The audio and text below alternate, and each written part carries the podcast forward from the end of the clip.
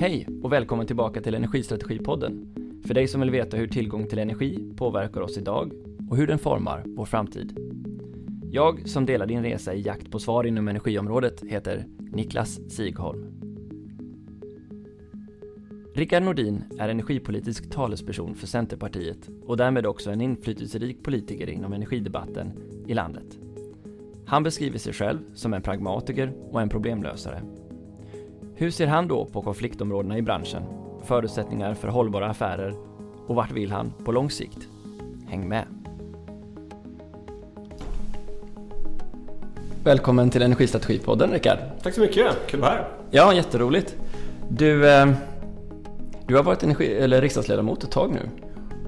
Jag, jag läste någonstans att du, var, du sågs till en, en av de mest lovande politikerna. Eh, kan man säga att du fortfarande är det? Ja, det får egentligen andra bedöma tänker jag. Jag är rätt nöjd där jag är, jag har roligt på jobbet och det finns ju alltid saker att ta tag i och det är kanske det viktigaste.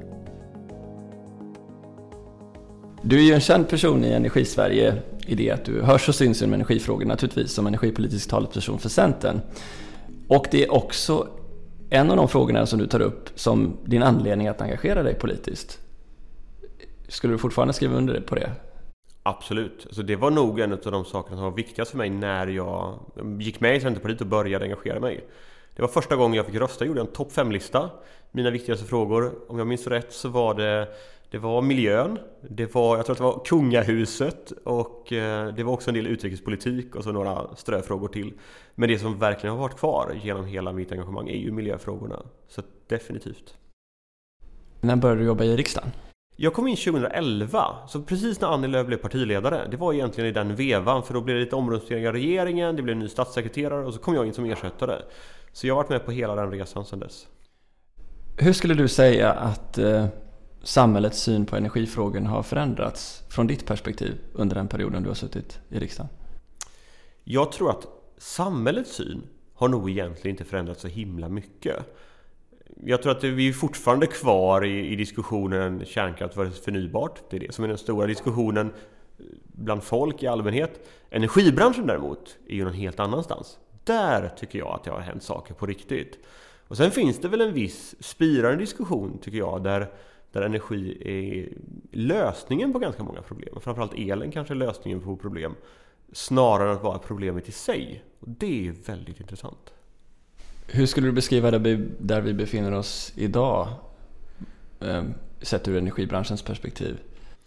Jag tror att vi är i en brytpunkt. De senaste åren har det hänt otroligt mycket på den tekniska sidan. Vissa energislag går extremt mycket ner i pris. Det blir ganska omvälvande, ställer helt andra krav på vårt system. Har du mer väderberoende så kommer du behöva mer överföring exempelvis. Kanske mer flexibilitet, kunna hantera överskottssituationer som ju nästan det stora problemet egentligen som vi inte pratar om. Snarare än underskottssituationerna som är det som diskuteras mer. Och det tror jag inte riktigt man har förstått. Eh, både från politikens sida men branschen är inte riktigt där än heller tycker jag vad det för med sig för möjligheter men också utmaningar. Ja men det där är intressant för eh, en av utgångspunkterna inom strategin är ju någonstans att kunna föreställa sig vad kunden 2030 då exempelvis kommer, kommer att vilja ha som krav. När du då med tanke på att vi befinner oss i en brytpunkt som du säger eh, blickar framåt i den horisonten. Vad är det du ser då? Vad tror du kraven kommer att vara på energileverantörerna? Jag tror egentligen inte kraven kommer skilja sig så himla mycket åt. Det kommer fortfarande finnas ett krav på miljömässighet och de är egentligen de sakerna vi har slagit fast politiskt också där. Det ska vara miljömässigt hållbart, det ska vara leveranssäkert, det ska vara ett schysst pris. Det tror jag det kunde förvänta sig. Däremot så tror jag att kraven som det ställer på leverantörerna kommer vara mycket, mycket tuffare. Både, menar, kanske i högre grad på de som levererar fossilt idag, drivmedelsleverantörer och annat. De har ju en enorm omställning eh, rent fysiskt. Medan jag tror att kanske elleverantörerna har någon annan typ av, omställning att ta hand om. Därför att det kommer läggas ner väldigt mycket kraftverk. De ska ersättas. Vad är då mest lönsamt? Det är inte självklart det är samma energisystem som vi idag har. Och hur hanterar man det då? Det, vi har just börjat se liksom de små tecknen på vart det här kan bära väg. Och då gäller det att vara med på tårna tror jag. Om man sätter liksom pågående klimatförändringar, bränder, den varmaste vintern i Arktis på länge i perspektiv utifrån de, hur de som kommer att välja 2030, de unga 18-20-åringarna. Vad tror du de kommer ha för krav på dig då? Jag tror att de, och det tror jag inte bara de unga människorna utan det är många fler som kommer att ha krav att man ska göra det man kan. Inom någon rimlighetsgräns såklart. Vi kan inte stänga ner AB Sverige därför att det, det hjälper inte. Vi står för för liten andel av utsläppen globalt för det. Men däremot så måste vi visa vägen. Och det tror jag kan både vara lönsamt för, för vårt land men också viktigt för klimatet. Det är ju det som driver mig. Att vi ska vara så smarta det bara går. Vi ska göra de här lösningarna som andra vill kopiera. Det gör ju också att vi kan sälja grejer. Där är ju Sverige ganska duktiga. Vårt kraftvärmesystem är ju relativt unikt får man säga. Biogasen är en annan sån här sak som vi ju exporterar till Indien just nu. Sånt är ju extremt bra. Där vi kan hitta synergier i helheten. Och kan sälja till andra länder som kan också göra klimatnytta. Vi har ju en tendens, min uppfattning då, att, att bli Sverigecentrerade i debatten kring energi. Ehm, och som du är inne på så är den ju i en global kontext väldigt högt rankad eh, med alla mått mätt ur ett klimatperspektiv. Ehm, och där kommer vi in lite på balansen mellan det som är Sveriges klimatambitioner och mål och det som finns globalt. Ehm, vissa utredningar visar på att du kan förlägga nästan vad som helst i Sverige och producera det här och du får en bättre klimatavtryck än vad du får i exempelvis Sydostasien. Sett ur det perspektivet hur ser man då exempelvis på investeringen i raffinaderiet i Lysekil? Jag tycker att den diskussionen sätter fingret på något väldigt viktigt. Hur klarar vi att investera i Sverige samtidigt som vi klarar både våra klimatmål och, och andras klimatmål? Nu är ju det i grunden en juridisk fråga. Eh, och det gör ju att det är där den ska tas om hand i första hand. Eh, rent personligen är jag ju lite lockad utav eh, Naturvårdsverket har ju varit inne på att ja men ge dem tillstånd med villkor mot minskade utsläpp. Preem själva har ju sagt att man kommer minska sina utsläpp. Det är inte det man söker tillstånd på däremot. Vilket ju för mig är lite en paradox. Men det här är ju någonting som regeringen ska hantera och bedöma juridiskt och så får vi se lite vad de kommer fram till. Det är ju inte upp till mig egentligen och vi kommer inte ta det i riksdagen heller. Jag tycker att det hade varit en eh, personligen en snygg lösning att ja, men villkora tillstånden mot Preems klimatmål. Du tycker alltså man, man, kan få ihop den debatten med, ett, eh, med en miljon ton mer koldioxid samtidigt som man driver en ambitiös klimatpolitik då, förstår jag? Ja, så om man tar Preem på orden som säger att de ska vara klimatneutrala 2045 och de har ett antal saker för att nå dit. Ja, men då kan jag köpa det. Men det kräver ju att man faktiskt också levererar på sina klimatmål. Vi kan inte bara investera och höja våra utsläpp. Och sen beror det ju på vilken tilltro man har till EUs utsläppshandel exempelvis. Och det, där tycker jag är det en väldigt viktig diskussion som pågår just nu. Med hur ser vi till så att varor inte importeras in i EU som har sämre koldioxidavtryck. Och inte behöver betala för att de inte finns med i en utsläppshandel. Det hade varit spännande att tänka sig ett opt-in system till exempel. Där du vill importera grejer till EU, ja men då får de också vara med i en utsläppshandel. Det, vi har ju det ekonomiska trycket på den europeiska nivån. Att vi faktiskt kan göra skillnad och det borde man göra i högre grad. Då lyfter du in en till fråga som är också en del av satsningen i, i höstbudgeten här som ju onekligen var en, en stor sak eh, häromdagen. Och det är den om extra medel till Kemikalieinspektionen för att, eh, och till Naturvårdsverket för den delen. För både att, eh, att utreda det här med import av, av, varor och vad de innehåller men också hur avfallsströmmarna kan bli mer cirkulära. Ehm, och det kan vi prata lite om. Eh, men, men en av satsningarna som är ju intressant för tillgången på råvara, i, framförallt bioråvara, är den satsningen som ni gör på RAF, möjligheter av biooljor. Ehm, hur resonerar ni kring det? Eller hur resonerar du kring det? Jo men om man tänker sig det systemet vi har idag. Det består till väldigt stor del av fossilt. Det är flytande drivmedel i mycket hög grad. Då behöver vi ersätta det på något sätt. Det är klart att när det kommer till persontransporter så ser jag ju övergången till el som, som ganska oundviklig oavsett vad man tycker. Därför att det är så otroligt mycket mer effektivt och det är ju bra. Det minskar energianvändningen och det är ju klokt för då kan vi få ut mer och mindre. Men bilar kommer rulla väldigt länge än på våra gator. En bil i snitt rullar idag 17 år och vi vet ju att ja, det är ju inte 100% som elbilar idag. Alltså kommer vi över ganska överskådlig tid behöva någon typ av flytande drivmedel. Då behöver vi göra det på ett annat sätt än fossilt. Och då är ju bioråvaran extremt viktig och en väldigt stor möjlighet. Tillsammans kan man ju tänka sig i lite förlängning med elektrobränslen till exempel och annat. Och det, jag är inte så orolig för det där. För att en del säger då Ja men eh, var ska vi få allting ifrån när den kommer ju ta slut? Ja, där är det ju ganska enkelt. Därför att det är ju tillgång och efterfrågan. Vi kommer inte kunna avverka mer eh, av den svenska skogen. Vi avverkar ganska mycket, men det är ju restströmmar vi pratar om. Som man använder. Man hugger ju inte ner en 50 år gammal tall för att göra drivmedel av den. Du gör ju plank. Och sen är det där sakerna runt omkring, spån och grenar och toppar och annat som man gör drivmedel av. För att värdet ligger ju i planket. Det, det är en typisk missuppfattning tycker jag, att folk inte har förstått det än så länge. Men eh, när den efterfrågan blir tillräckligt stor så kommer ju priset gå i höjden. Och till slut kommer det ju vara vissa områden där det inte är lönsamt att göra det på. Det kanske är drivmedel, det kanske är något annat. Och då kommer man hitta andra lösningar istället. Fångar du det att det som konsekvensen av den förädlingen av svensk skogsråvara kommer ändra förutsättningarna för hur vi använder bio? Exempelvis för hur dyrt det kommer vara med restavfallet för, för biot framöver. Ja, alltså jag tror att hela den gröna omställningen kommer nog ställa saker lite på ända.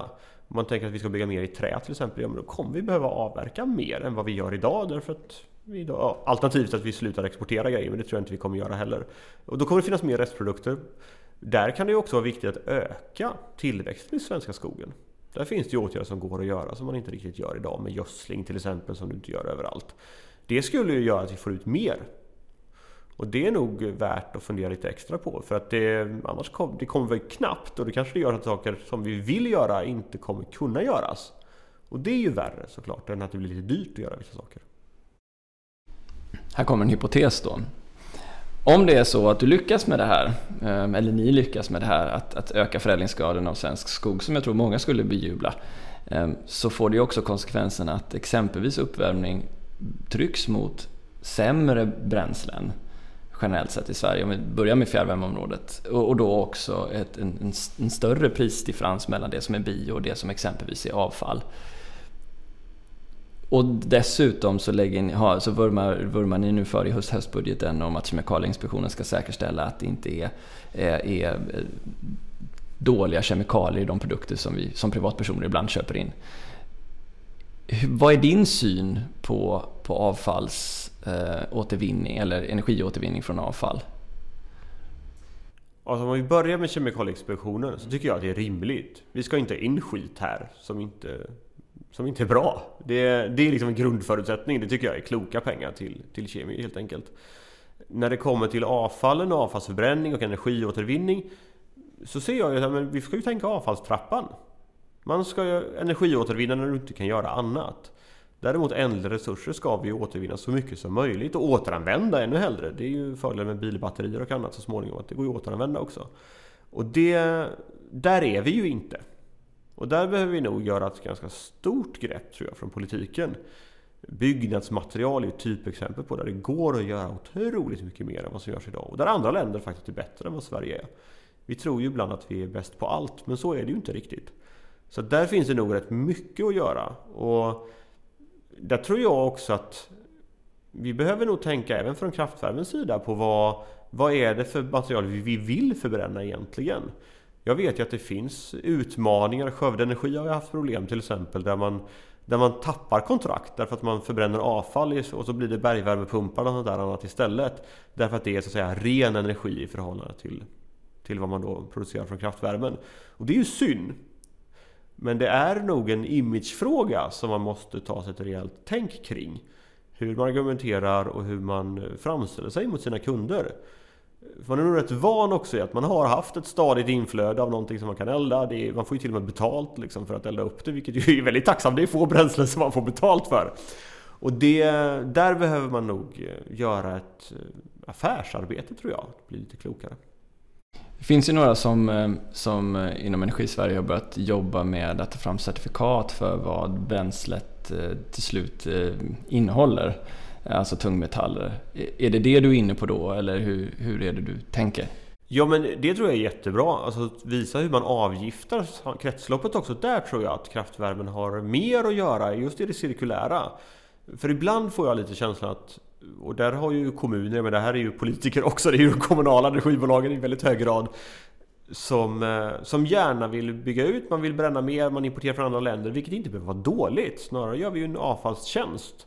Eh, och dessutom har en liksom handelsbalans som går åt rätt håll när vi importerar grejer, det är inte så ofta. Men eh, det kan ju få en ganska negativ klang. Och vissa har ju lite överutbyggt också och tänker att det här gör man mycket pengar på, att det är det som är huvudsyftet. Och det kan det ju inte vara när vi, när vi eldar avfall. Vi vill ju egentligen ha minskade avfallsmängder. Och där eh, finns det nog ett jobb att göra. Och då, då kommer vi ju osökt in på att förklara det här för mig, så är du snäll. Avfallsskatten. För jag, jag har inte träffat någon som inte är förvirrad i stort sett. Kan du förklara vad logiken är bakom avfallsskatten? Så det finns väl två logiker skulle jag säga. Eh, dels så så vill man ju lägga en skatt på avfall för att vi ska förbränna mindre avfall. Det är såklart bra om den hade varit i mycket tidigare led. Jag köper det argumentet. Det är svårt att göra det. Så det här handlar väl om en typ av politisk pragmatism helt enkelt. Och det andra argumentet tycker jag är för mig ganska enkelt. Jag tar hellre in skatt på förbränning av avfall än på jobb och företagande. Alla dagar i veckan. Så för mig handlar det också om en skatteväxling. För jag tänker så här, det är ju många, jag tror liksom alla energibolag håller nog med om att det är ju svårt ur många och egentligen inte ens bra att elda plast. Det vill man ju inte ha och i många av de här svåra ämnena vill man inte heller ha. Men hur ska man då få eh, renare flöden? Det kräver ju eh, inte bara svenska utan europeiska insatser.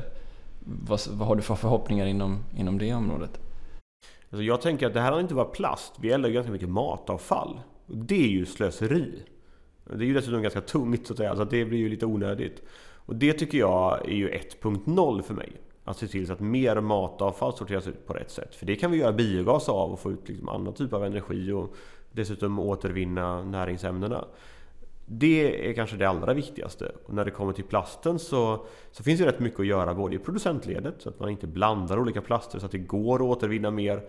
Det är ju ett lovvärt initiativ tycker jag det som är i Motala med nya plaststraffet och, och sorteringsanläggningarna där. Det ser jag fram emot att vi ska kunna rampa upp ytterligare för det är nog viktigt. Där eh, tror jag att vi behöver vara tuffare från politiken, sätta tuffare mål. Så att man faktiskt löser det. För det har varit lite eftersatt. Vi är väldigt duktiga på tidningspapper, på mm, pantburkar och annat. Men just plasten så har vi varit ganska dåliga. Och det finns ju en extrem efterfrågan också. Här är det ju någon typ av missmatch som jag inte riktigt förstår faktiskt. Därför att det finns en enorm efterfrågan på återvunnen plast. Menar, Ikea har ju storslagna mål, väldigt många andra är också ute efter den där återvunna plasten. Men den kommer inte fram. Och det har jag inte riktigt fattat. Varför man inte klarar av från producenter att vara mer tillmötesgående, göra plasten går att återvinna i högre grad och bara mindre färgade förpackningar så att det blir lättare. Och, och den efterfrågan som faktiskt finns, det, ja, det får någon jättegärna förklara för mig. Eh, jag kommer nog inte ihåg siffrorna nog för att kunna säga dem i podden här men jag vet ju att det är en, en mycket mindre andel av den totala plasten som vi samlar in som faktiskt kan återanvändas. Så att, eh, jag, jag, jag, kan hålla med dig om det och tänker så här, det får vara en anledning att, att fördjupa sig i den frågan om vad det egentligen beror på.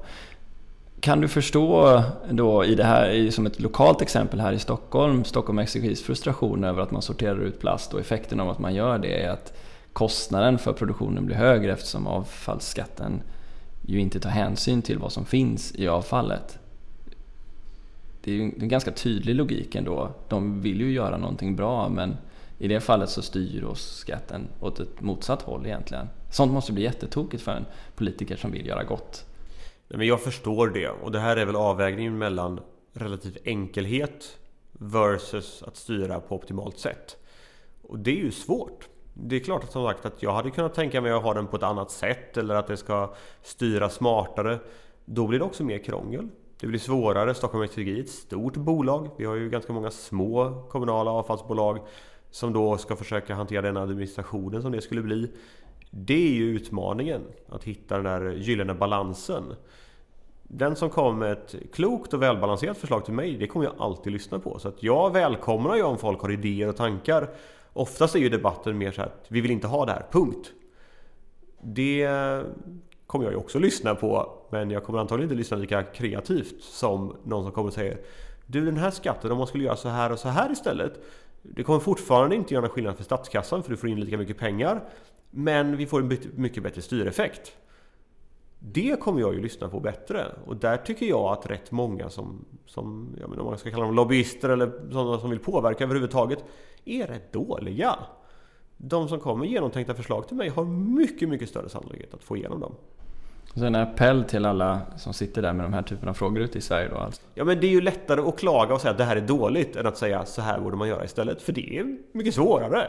Men det är ju så jag behöver jobba. Och den som kommer med kloka idéer då, ja men absolut.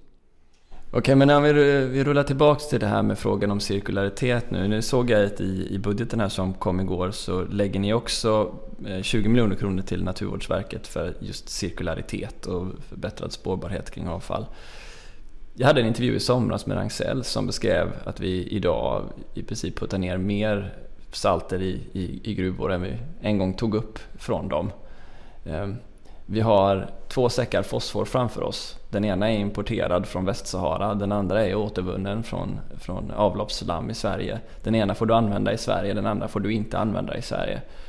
Hur kan det fortfarande vara så? Alltså när det gäller just avloppsslammet så tycker jag ju att det är sorgligt att vi inte har kommit längre. Tyskarna är ju lite längre fram på det området. Jag vet att det diskuteras lagstiftning nu på, på krav på återvinning. För just fosforet är ju en extremt ändlig resurs. Och det, antingen kommer det från Västsahara eller så kommer det från andra källor. Och det är ju bättre att nyttja det vi har. Det måste ju vara utgångspunkten. Det, jag vet att det har diskuterats, det är ju ingenting som vi har lagt fram, en så här skatt till exempel på jungfruliga råvaror. Eh, för att kunna hitta en mer lönsamhet. För det är klart att har du en storskalig gruvbrytning där du liksom plockar ut det i, i hyfsat ren form och bara kan paketera det och skicka det. Det kommer ju alltid vara billigare än när du ska extrahera det ur någon typ av förorenad... Det behöver inte vara förorenat på ett liksom dåligt sätt. Det är bara det att det är massa andra saker där också och så ska du få ut det därifrån. Och det behöver vi nog lösa. Där behövs det styrmedel. Och det tycker jag politiken tappar lite än så länge. Det gäller ju inte bara fosforn, det gäller ju metaller i avfallen. Det gäller ju flera av de här områdena där vi har klassningar kring farligt avfall som gör att vi inte kan använda det eh, som finns i avfallet på ett vettigt sätt. Viktiga salter exempelvis.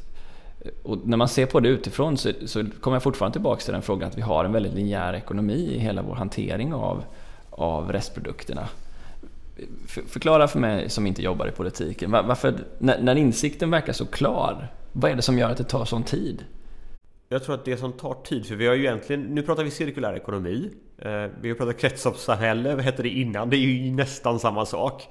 Eh, och jag tror att det som gör att det tar tid är att det, det är svårt att hitta schyssta ekonomiska styrmedel. Som dessutom lirar då med EU-regler och annat. Och, och dessutom finns det såklart ett stort tryck. Där, alltså där du har affärsmodeller idag, de vill ju inte tappa sina affärsmodeller. Så funkar det ju inom energibranschen, eh, så funkar det inom alla branscher. Och lite raljant kan man säga att morgondagens teknik har ju inga lobbyister för den finns ju inte riktigt än. Och det är en utmaning att då eh, ta till sig saker från andra källor. Eh, det tror jag att rätt många politiker är lite dåliga på. Och sen är det svårt därför att allting som kommer i en budget, du måste prioritera. Och att då lägga mycket, saker på, mycket pengar på vissa saker, det är svårt. Att införa nya styrmedel, säger då att du skulle införa en skatt på jungfruliga råvaror från, och då generellt. Det drabbar ju svensk gruvindustri rakt av. Det är jättemånga jobb, i, framförallt i delar av landet där man har det ganska tufft redan innan. Att då försöka motivera det politiskt, det är inte så himla enkelt. Tycker du då, givet de höga ambitioner som finns om Sveriges klimatneutralitet, att eh, du och dina kompisar i, i, inom energifrågorna från olika partierna får tillräckligt gehör? Jag tror framförallt att ska vi få tillräckligt gehör så måste vi komma överens i högre grad. För att så länge det spretar så, så kommer du inte få helhetsbilden. Jag tyckte vi gjorde det bra med energiöverenskommelsen 2016. Det är klart att man... Så här, ja, Centerpartiet fick igenom några saker som andra partier inte gillade. Jag fick köpa några saker som jag inte gillade. Det är ju så det funkar i politiken. Ska man komma överens, ja men då får man alltid kompromissa lite. Jag tycker vi hittade en ganska bra medelväg. Och då gäller det ju att orka hålla i det. För det kostar ju politiskt att vara överens. Man, läm, alltså man ger ju upp möjligheten att driva sin egen politik fullt ut. Men det gynnar Sverige kanske på totalen och klimatfrågan, inte minst på totalen. Det, det är nog en förutsättning att man kommer tillbaka dit. Tyvärr upplever jag inte debattklimatet som sådant. Och det är inte bara i Sverige. Det är ju generellt sett så upplever jag att det blir mer och mer polariserat. Och då kostar det ännu mer att komma överens. För det, en överenskommelse funkar alltid så att regeringen som sitter kommer alltid vinna mest. För att det är alltid sittande minister som får ta liksom första intervjun. Den är alltid the go-to guy eller girl. Och medan vi andra så att säga inte får det. Och det kan man indirekt kompensera genom att få en lite bättre deal. Eh, och sen får man också tänka att ja, men nästa gång när vi sitter i regering så är det the other way around. Men den långsiktigheten tycker jag lite saknas i, i politiken just nu. Och det gör mig ganska frustrerad. För att jag är här för att lösa problem i första hand. Sen är det klart att det är bra om det går bra för Centerpartiet också. Och jag tänker att det kanske hänger ihop. Men, men man måste nog klara av att se lite ovanför nästa liksom opinionsmätning. Och där är vi inte. Ja, jag tror att det var många som i branschen uppskattade energiöverenskommelsen, inte minst för den utbildningsinsats det innebar av både politiker och tjänstemän om komplexiteten i frågorna i branschen. Och i idag finns det också röster för, för en ny energikommission, eh, kanske just av det syftet också. Vad tycker du om det? Inte minst mot bakgrund av att du sagt att tekniken går så oerhört snabbt framåt och frågorna som var relevanta 2015 kanske är satta ur spel idag eller så är det andra frågor som kommer på bordet. Alltså jag tror att risken är om man gör en helt ny energikommission, tänker att man börjar från scratch. Det är ju att vad sätter vi då för standard? Vi gjorde det här 2016. Alla pratar om långsiktiga förutsättningar. Det blir inte långsiktiga förutsättningar om man liksom ska starta från scratch en gång vart fjärde år. Då tappar vi det. Jag tycker att man skulle bygga vidare på den man har. Och så utgår man från den, för det var ju saker som vi inte löste ut ordentligt i den. Vi gjorde ett antal akuta åtgärder, satte upp några långsiktiga mål och annat, men det fanns ju olösta saker kvar. Vi var inne på kraftvärmen innan, det står ju några svepande meningar om hur viktigt kraftvärmen är. Men man tog ju inte det på djupet. Det tycker jag hade varit lämpligt att göra. Vi borde verkligen ta tag i elnätsregleringen som känns som att den har lite överlevt sig själv. Jag satt med på ett möte där energiföretagen var med och Energimarknadsinspektionen. Och det var ju så att man ville poppa popcorn och bara, det var ju underhållning över hur arga man var på varandra. Och hur mycket man pratade förbi varandra framför allt. Jag tror att man skulle behöva göra ett rejält arbete där också, inte bara i politiken utan helheten för att få in människor och få någorlunda samma syn på vart vi vill men då kan vi inte börja om från noll. För att då om utfallet då blir någonting som någon inte gillar så har vi ju sett att ja men då lönar det sig att hoppa av och sen kräva att man börjar från noll igen. Ja men vi tar eh, och springer med den idén då. Finns det förutsättningar för en, en eh, om vi reframar eller sätter annat namn på det, en eh, Energikommissionen 2.0 som då är en fortsättning på den tidigare? Är, är det någonting som skulle vara intressant även för dig? Ja absolut jag tyckte att vi hade det på gång. Eh, nu är det ju ett tag sedan liksom de här debatterna och M och KD hoppade av. Men eh, det som inte kom ut då var att jag tror att de hoppade av på en tisdag. På onsdagen hade vi ett inplanerat möte där vi skulle diskutera agendan för energiöverenskommelsen 2.0. De var inte nöjda med agendan som regeringen la fram. Det var inte jag heller. Men det är ju det man diskuterar på första mötet. Vad är det liksom vi ska ta upp för punkter? på den listan fanns det rätt mycket saker som var rätt intressant tycker jag. Några av de sakerna jag nämnde här, rätt mycket annat, en del saker som jag inte tyckte var, var vettigt. Men eh, det kräver att man måste, vill sätta sig vid förhandlingsbordet. Och inte ställer orimliga krav redan, redan innan. Så man kan inte ställa ultimatum och säga att om vi ska förhandla då måste utfallet bli så här. För då är det inte en förhandling längre. Utifrån har du ju sett som att det har varit eh, huvudsakligen en fråga om kärnkraftspolitiken som har gjort att eh, det skapat polariseringen. Och då tänker jag så här att du refererar till mötet mellan Energimarknadsinspektionen och elnätsföretagen och så tänker jag då på er, eh, era möten. Vad är det som, vad är det som skapar den klyftan, är det liksom KDMs utspel om små nukleära kärnkraftverk med nästa generations teknik eller vad, vad är det? Alltså jag upplever att det som skapade klyftan var att det här är en tacksam politisk konfliktlinje att ha. Om man eh, inte har så mycket klimatpolitik i övrigt så kan man alltid dra fram kärnkraftskortet. För den trumfar allt annat i svensk politik. Börjar du prata kärnkraft, då kommer man alltid fastna där. Det, det är liksom, man dras in i ett svart hål nästan, där allting dras in i. Och då kan man alltid säga, och jag, jag, tror att kärnkraften kommer vara en viktig del internationellt framförallt för att hantera klimatfrågan. Det finns många ställen där det inte går att bygga förnybart på. Ja, då kommer kärnkraft vara second best. Och då är det väl fullt rimligt att man gör saker där. Jag kanske inte tror på det lika hårt i Sverige. Fördelen med energiöverenskommelsen var att den försökte hitta någon typ av balans i det där. och Säga att vill man bygga nya reaktorer, absolut gör det. Och det kan man säkert, hade man säkert kunnat diskutera vidare om man skulle få bygga det på nya platser eller med ny teknik och sådana saker. Men då måste man ju sätta sig vid förhandlingsbordet. Och vill man då, vill man få igenom sin politik på riktigt, då är det ju där man löser det. Och den öppningen har inte funnits och det tycker jag är lite tråkigt. Därför att jag tror att vi hade kunnat hitta en dynamik och en lösning i det där. Om man på riktigt hade velat. Ja, om man tar dig på orden så blir det ju nästan tragiskt. I det att det finns en, en, en politisk logik att driva en fråga som ändå i vilket fall som helst ligger ganska långt bort i tiden. Om man nu skulle se på ett införande i alla fall. När det finns så många uppenbara frågor som ligger i, på, i liksom på bordet här och nu. Som vi verkligen behöver lösa. Har jag uppfattat det, ja, det, här, rätt? Ja, det här är ju politikens tråkiga baksida tycker jag. Jag brukar ibland säga att jag är problemlösare i första hand. Jag är centerpartist i andra hand. För jag är här för att fixa saker. Det är liksom mitt mindset. Och när folk då inte vill fixa saker, därför att det passar bättre att, att ha det kvar och fightas om. Jag menar, Lars Hjälmered från Moderaterna som ansvarar för energifrågorna. Jag tycker jätterom om Lars. Vi samarbetar kanonbra. När vi gjorde energiöverenskommelsen så drog vi otroligt mycket tillsammans. Han vet ju hur verkligheten ser ut.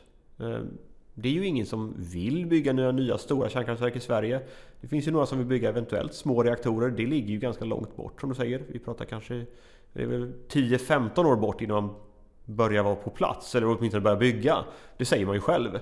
Det finns rätt mycket vi behöver göra innan dess också. Och det tycker jag är synd att man inte vill ta tag i riktigt. För det, det kanske är så att Lars eller Camilla från KD skulle säga något helt annorlunda här och det får väl vara deras bild då. Men det här är det är så jag upplever det och det tycker jag är synd, för jag vill komma överens. Ja men så här, rent praktiskt undrar jag. Om, säg att du skulle vilja ha en fortsättning på Energikommissionen. Går det att lösa det? Går det att säga så här, men nu, kom igen nu, nu, nu gör vi en fortsättning. Vi sänker ambitionen men vi träffas i alla fall. Jag tror att det är nog svårt för mig att göra det. Det behöver vara ministernivå. För att om jag säger det, alltså, ja, det är inte så att vi kan fika på mitt rum och alla kommer. Utan det behöver vara lite tyngd i det. Utan då behöver nog ministern ta, ta ett omtag, skulle jag gissa. Det som jag tror behövs kanske är snarare att också energibranschen försöker att trycka på för det där på ett sätt som är ganska pragmatiskt. Det gör ju att en, man kan inte bara trycka på sina egna käpphästar. För det kommer alla vilja göra. Jag menar kraftvärmen kommer vilja ha sitt och kärnkraftsbranschen sitt och vindkraftsbranschen sitt och så vidare. Och om man bara går in med inställningen att vi behöver en energiöverenskommelse för att säkra vår nuvarande affär. Då kommer ingen att hitta en lösning. Däremot om man försöker vädja då kanske till partier som hoppade av och säga att ja, men hörni, nu sätter vi förhandlingsbordet igen för vi behöver det här för långsiktighetens skull. Och man kan få med inte bara kanske energibranschen, säg liksom Svenskt Näringsliv, andra tunga aktörer. Att få den dynamiken. Då tror jag att det finns en reell möjlighet. Och så får man ju göra det på ett snyggt sätt så att det känns som en nystart. Så att ingen behöver känna att åh, nu får jag tappa liksom, eh, ansiktet för att vi gör det här. Utan att det känns som att man gör någonting på, på riktigt. Det, då behöver man hitta den dynamiken. Det finns ju kanske en öppning i det här tycker jag. I den diskussionen som är nu kring det pratas elbrist och annat och det där är ju en ganska förvirrad diskussion rätt mycket. Men det finns ju ändå ett visst behov av nya diskussioner i nya frågor. Och kan man då samla lite fler än bara det vanliga gamla energigänget för att trycka på för det där så kanske det finns en öppning. Intressant. Så, så branschen sitter själv på nyckeln till att, få, till att kunna få till en sån här diskussion även politiskt? Ja, det underlättar i alla fall. Alltså, för att det sker saker politiskt som idag inte sker och inte sker av sig själv så behövs ett visst tryck. Det behöver vara ett positivt tryck, för det, bara, det kan ju vara ett negativt också, men det är ofta svårare. Finns ett positivt tryck så, så blir det roligare att svara upp mot det och lättare att svara upp mot det politiskt också. Om jag bara rundar tillbaka till den här frågan om, om inflytande för eh, energibranschen. Då mot bakgrund av att jag tycker att energibranschen är liksom en, en, en nyckel för att klara eh, omställningen av samhället. Så noterar jag bara nu att eh, det var 8,9 miljarder av de här 105 miljarderna i budgeten som lades på rena liksom, energi och liksom, klimatomställningsfrågor. I Norge satsade man 25 miljarder kronor på CCS-tekniken. Om vi, och det är ju en rejäl satsning då. Vad, vad tänkte du när du läste det? Tänkte du nu springer de om oss här? Jag tänkte yes, det är ju skitbra! För rätt mycket av det som vi diskuterar i Sverige är ju beroende av norska lagringssajter. Det finns ju eventuellt områden i Östersjön och annat men det är ju inte alls lika granskat och prospekterat som det är i Norge. Så att eh, jag vill ju ha igång den här tekniken och då är det ju perfekt om norrmännen är beredda med att lagra. Jag tror att det var 2024 räknar man med att ha lagringssajter igång. Kanonbra! Då finns det ju ännu större anledning att se till så att eh, de här eh, utredningen som kom faktiskt blir verklighet nu. Vi avsätter ju faktiskt pengar för att få igång de här, om det blir aktion eller något annat styrsystem, det får vi ju se. Det tittar vi på vad det blir exakt. Så det är ju jättebra. Ju fler som satsar desto bättre. Nu förstår jag att du, inte du kan svara kanske på vad det är för tidshorisont, men hur, hur möter vi upp det? från Sverige oavsett vad det blir. Vad, vad, tänker du, när måste vi ha, om det nu blir en auktionsmarknad eller vad det nu blir? Det går ju ganska fort. Ja men det, under 2021 så kommer man titta på styrsystem. Och eh, 2022-2023 finns det pengar avsatta. Så då kommer det bli verklighet och någonting som man kan göra på riktigt.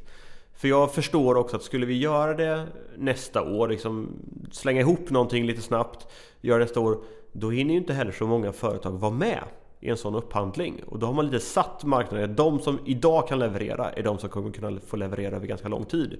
Nu ger vi folk ett år att, ja men så här, planera, göra investeringar, titta på okay, men hur skulle vi kunna vara med i någonting sånt här? Och sen drar man igång det ett år senare. Det tycker jag är ganska attraktivt faktiskt, att ge fler chansen. För det blir ju lite ett moment 22 här tänker jag, Om man ska våga göra investeringarna också eller påbörja dem. Och det är ju rätt mycket jobb eh, och pengar inte minst bara i förarbetet. Om du var bolags-VD för ett energibolag, skulle du våga satsa på att, eh, att ta fram förstudier och börja förprojektera för en CCS-anläggning idag? Jag tror att förr eller senare så kommer det bli ett måste. Eller åtminstone så kommer det finnas pengar för det för att det samhällsmässigt är ett måste.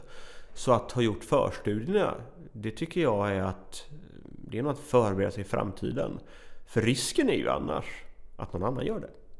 Alltså om inte ditt kraftvärmebolag funderar på hur ska vi kunna göra mer biokol eller hur ska vi kunna göra bio-CCS här? Så är risken att grannkommunen eller grannföretaget gör det. Och då sitter de på en intäktskälla som du inte har. Och då är du efter. Vi byter spår då. Till det här med elektrifieringen av samhället och ja, som du sa den lite snurriga frågan om det finns en, en, en effektproblematik i Sverige eller ett energiöverskott och hur man nu ser på det. Om vi börjar med elnätsregleringen och, och överföringsproblematiken. Var tycker du vi står någonstans i den frågan just nu?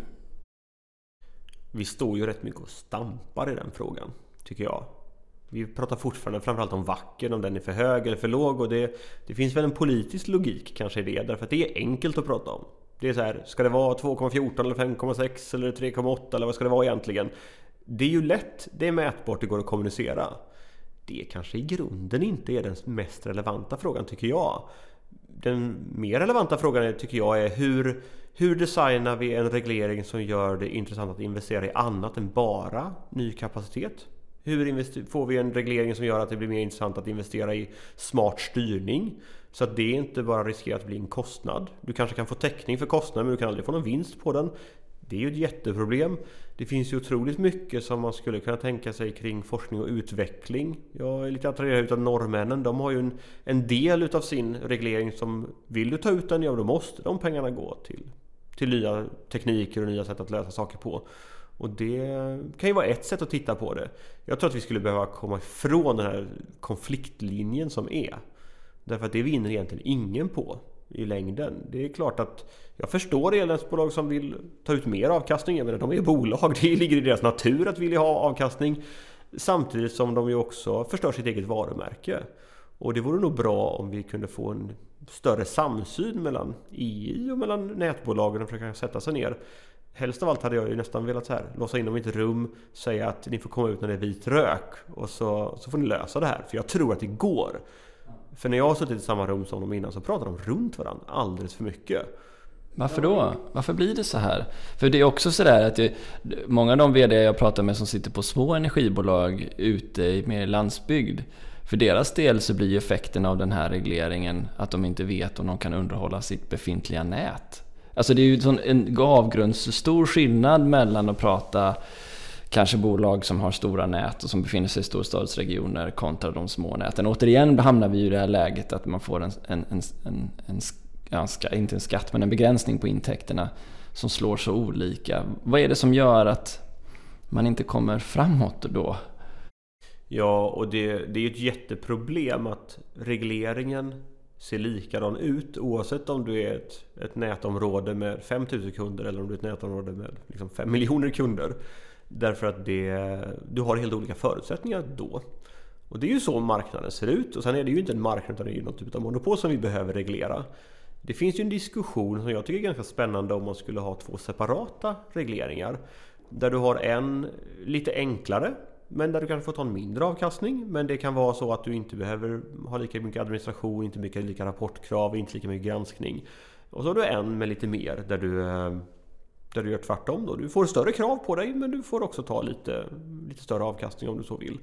Och det skulle jag tycka var ett ganska spännande sätt att, att hantera de här olikheterna som finns. Sen är nog problemet att det finns ju tre riktigt stora nätbolag det är också de som hörs i debatten i mycket högre grad än de här små. När, när Njudungs Energi, de kommer inte komma ut i riksmedia därför att det är för litet, det blir för lokalt. Och där har nog vi politi från politiken en väldigt stor uppgift att klara av att lyssna på dem också. Att förstå att de stora är en bild, det finns också en annan bild. Och försöka balansera det på ett schysst sätt. Och det är svårt. Jag tror att anledningen till att vi inte har sett några rejäla översyner av nätregleringen är för att det är så otroligt komplext. Det är få politiker som, som förstår den till fullo. Jag tror inte att jag förstår den till fullo heller, även om jag är nog en av de som kan den bäst. Det är nog få personer i Sverige överlag som kan den. Och där skulle man nog behöva ta ett rejält omtag. Mm. Ja, jag har själv suttit och räknat på den. Den är inte helt lätt eh, penetrerad. Men då så tillbaks till den här frågan som ju, jag vet inte om vi ska baka ihop den i frågan om energiöverenskommelsen i och för sig. Va? Men om vi tar den separat då så har vi lite samma typ av spår här igen. Eh, det krävs massiva investeringar, inte bara i överföring utan också hur, hur de här näten kan styras både ur ett säkerhetsperspektiv men också för att kunna hantera att fler vill kunna mata in på näten. Ehm, och det, alla är ju överens om det. Vad ser du för sätt hur kan du bidra till att lösa upp de här knutarna som nu finns så att vi inte landar, landar i att det ska vara en domstolsförfarande som avgör vilken lönsamhetsnivå ett, ett elnät får ha? Jag tror att det går ju att jobba med andra saker än bara regleringen också. Alltså det, modordet efter långsiktiga villkor är kortare tillståndsprocesser. Båda de här sakerna är ju sånt som är lite svårt när man ställer följdfrågor. Vad betyder det? Hur har du tänkt dig då? Eh, så får man inte så mycket till svar.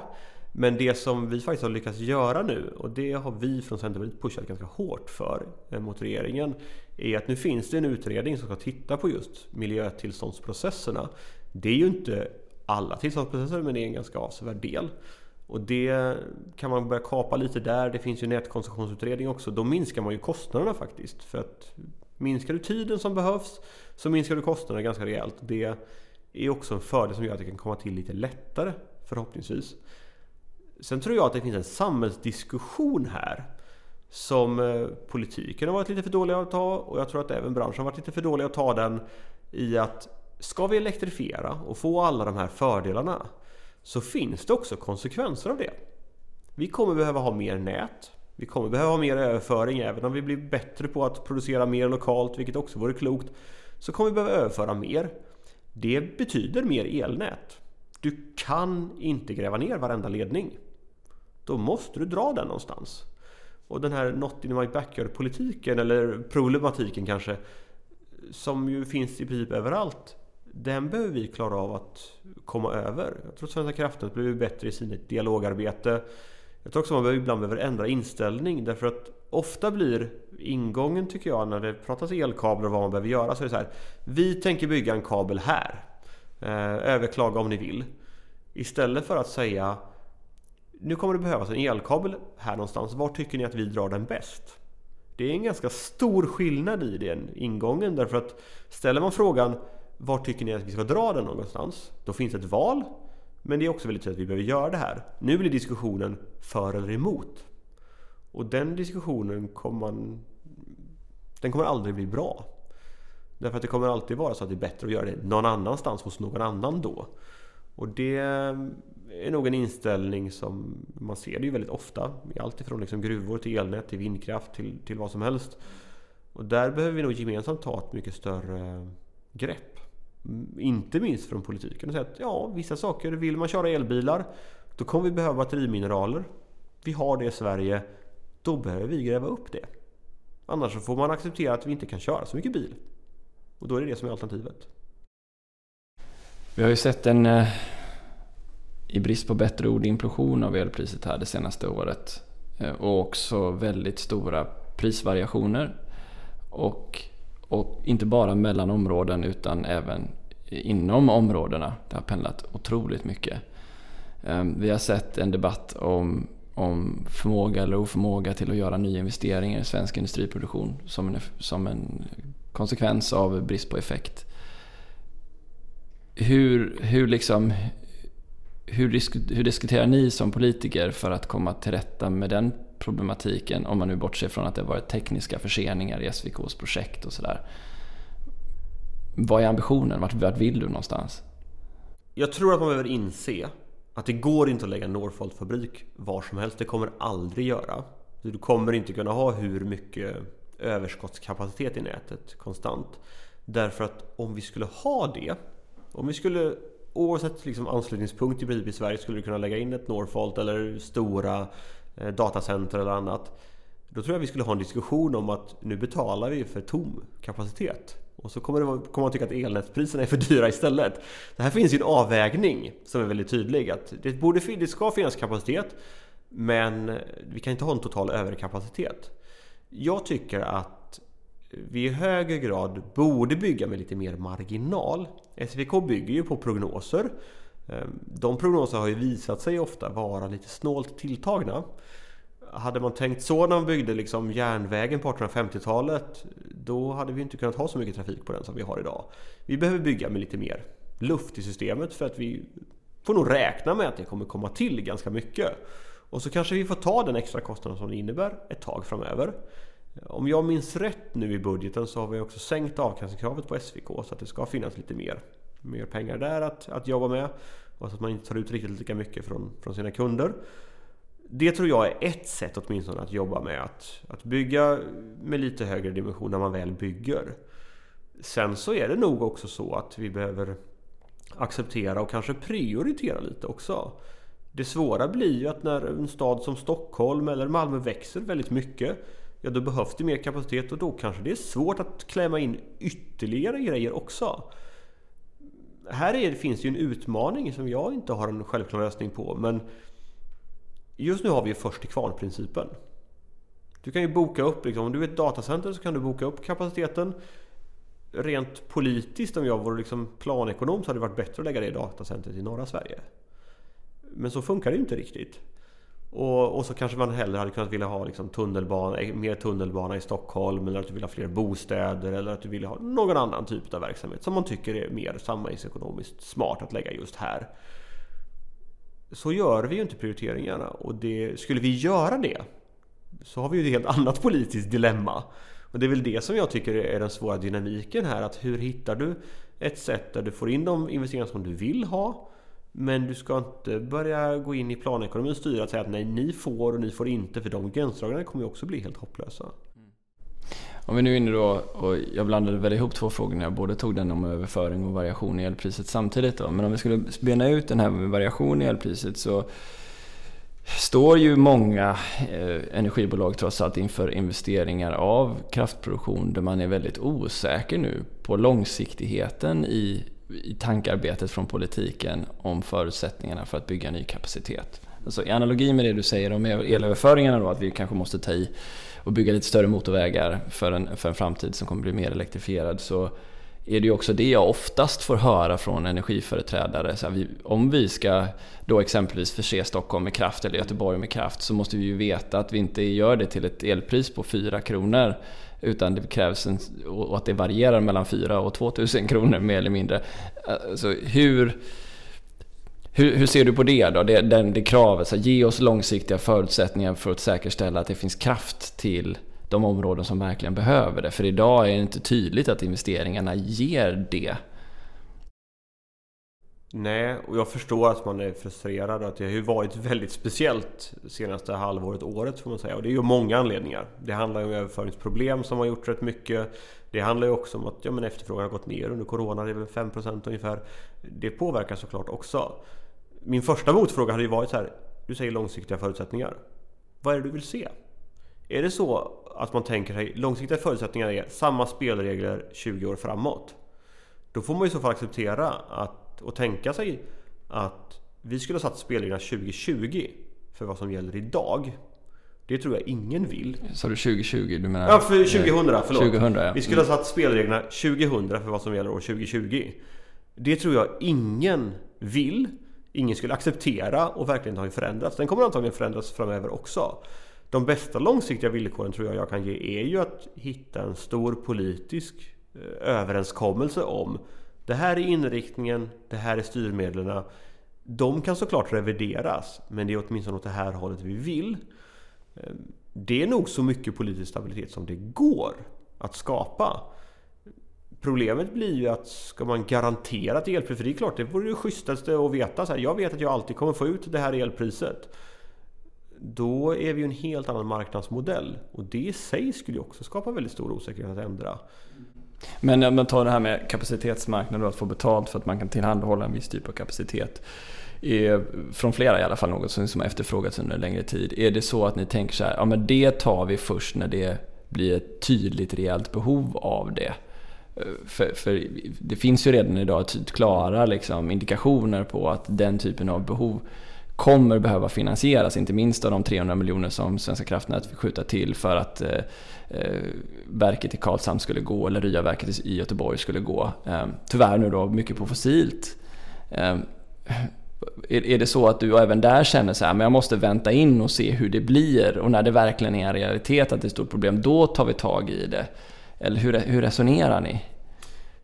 Det är såklart alltid bäst att förebygga, det brukar ju bli billigare så när det gäller kapacitetsmarknad så får man ju säga att det är ju en enorm reform av energimarknaden om vi skulle börja gå över till det. För det första så skulle det ju inte lira med de EU-regler och, och energiunionen vi har så det ligger ju extremt, då ska du övertyga hela EU om att ändra. Dessutom så ska du ändra förutsättningar för väldigt många som precis har byggt. Då får du en helt annan typ av marknad.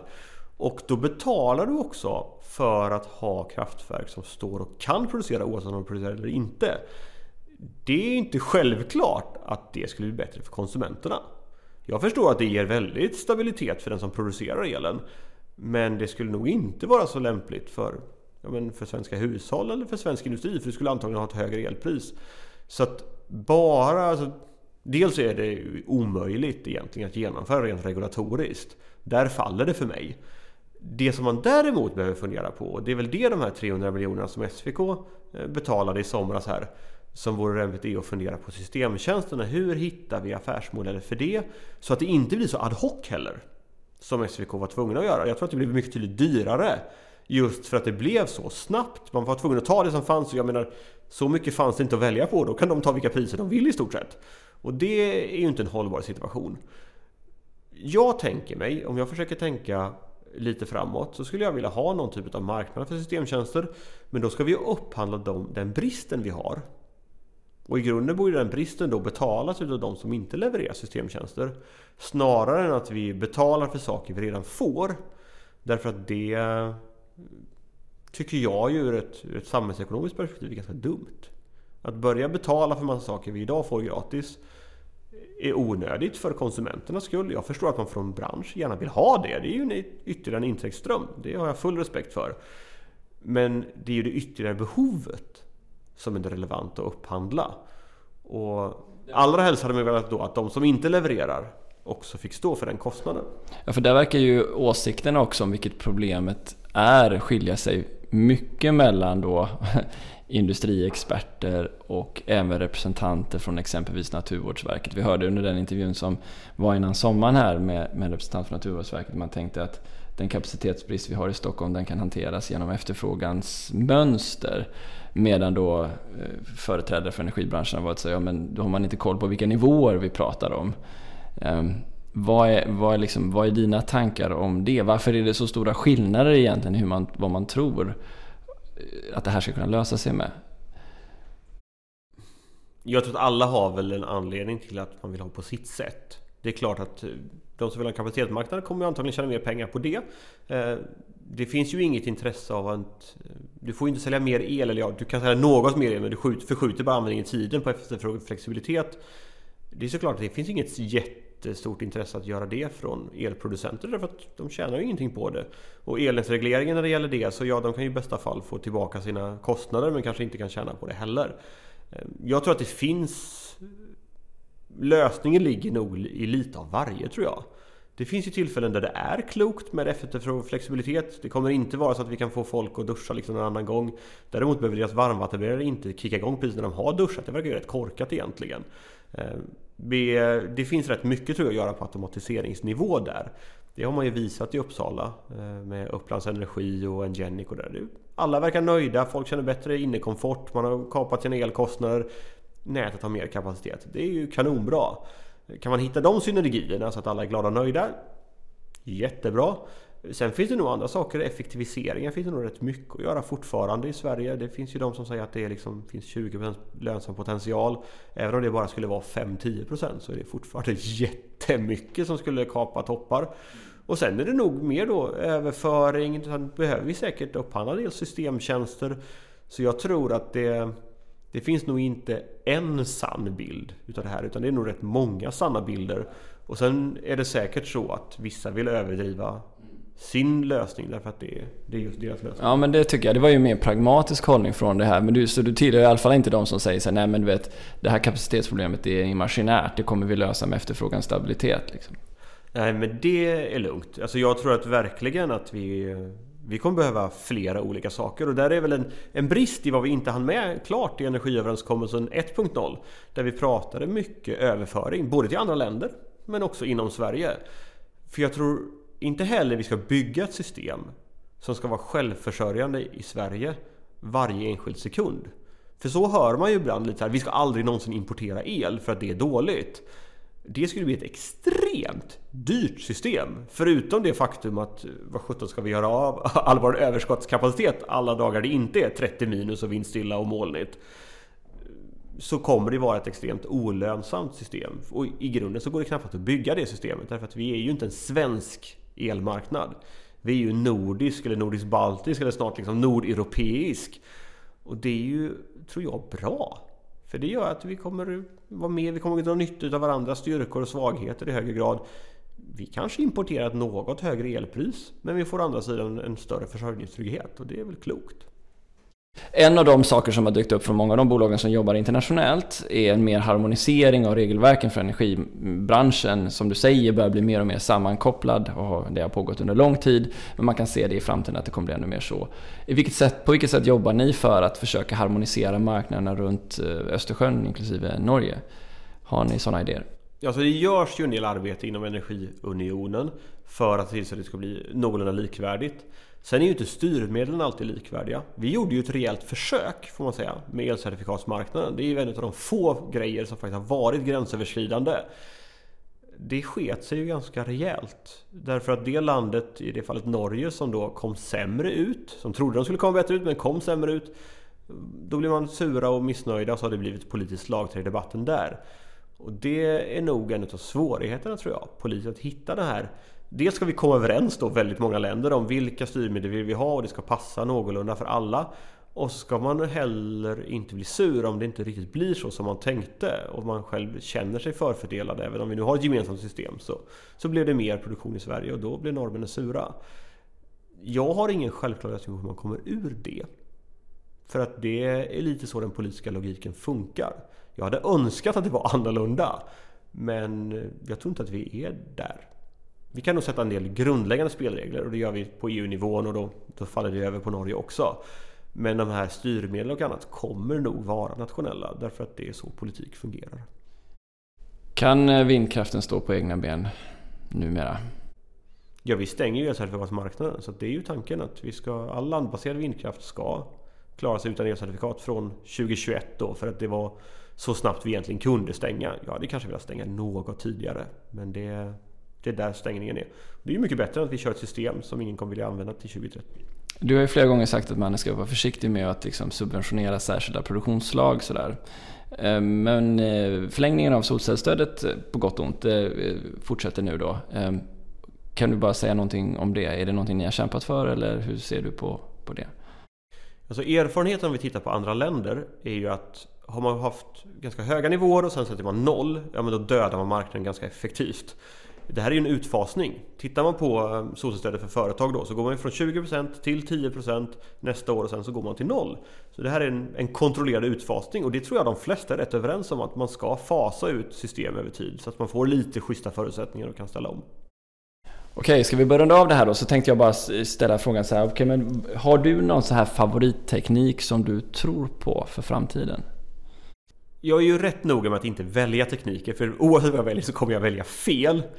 Däremot så finns det ju saker som jag tycker är lite undervärderat. Jag tror till exempel att vätgasen som energibärare kommer vara väldigt spännande. Ehm, vi var inne lite på det men det stora problemet i det system som håller på att utvecklas i alla fall, om det nu landar eller inte, det får vi se, men kommer ju vara överproduktion och överkapacitet snarare än de här liksom få tillfällena vi har för lite. Och att då göra något med den elen som vi producerar kommer ju vara jätteviktigt. Alla kommer ju säkert ladda sin elbil när elpriset är billigt och det blåser mycket. Men det kommer säkert finnas andra saker att göra också då. Och då tror jag att vätgas, elektrobränslen och annat, där finns det en otrolig potential kvar. Som vi sen då kan hjälpa till att lösa andra problem. För Elektrifiering i form av batterier kommer nog vara svårt på de riktigt tunga transporterna. Tänk liksom sjöfart, ja, flyg kanske klarar sig i viss mån ändå men tåg och annat, ja men där kan ju en sån som vätgas, en sån energibärare eller andra, andra bränslen verkligen vara möjligt. Och det tror jag vi pratar för lite om. Och det, jag hoppas att ni kommer få se mer liksom från Centerpartiet i de frågorna framöver, för det är något som jag brinner för i alla fall. Sista frågan här nu då. Det finns, en, eh, finns flera undersökningar som är gjorda på svenskarnas tro om huruvida vi når klimatmålen eller inte. Tror du att Sverige klarar av att vara Eh, klimatneutralt fram till 2040? Om jag säger rätt, och 2045 kanske som målet är. Ja, eh, jag har ju själv varit med och förhandlat om. Det var jag som drev fram så att det blev 2045. Så att, att jag inte skulle tro på det, då borde jag byta yrke. Därför att, att ha politiker som inte tror på vart vi är på väg och ännu heller inte tror på sina egna liksom, målsättningar vore dumt. Jag tror att det är svårt. Det kommer vara tufft. Men det innebär också väldigt mycket möjligheter, inte minst för Sverige vi tappar ibland bort den här diskussionen lite och det kanske får vara mina liksom avslutningsord i det här att det finns så mycket möjligheter därför att när det rullar fler elbilar på våra gator så är det bra för klimatet. Men det är också bra för hälsan därför att du får färre förbränningspartiklar som vi andas in. Det är ett jättestort problem idag. När, det, när vi kör mer på förnybara drivmedel ja men då får vi ett minskat säkerhetspolitiskt problem. Därför att 30-40% av vår olja som vi importerar idag den kommer från Ryssland. Det är liksom så att svenska JAS-plan göder den ryska armén när man flyger. Det är ju helt absurt.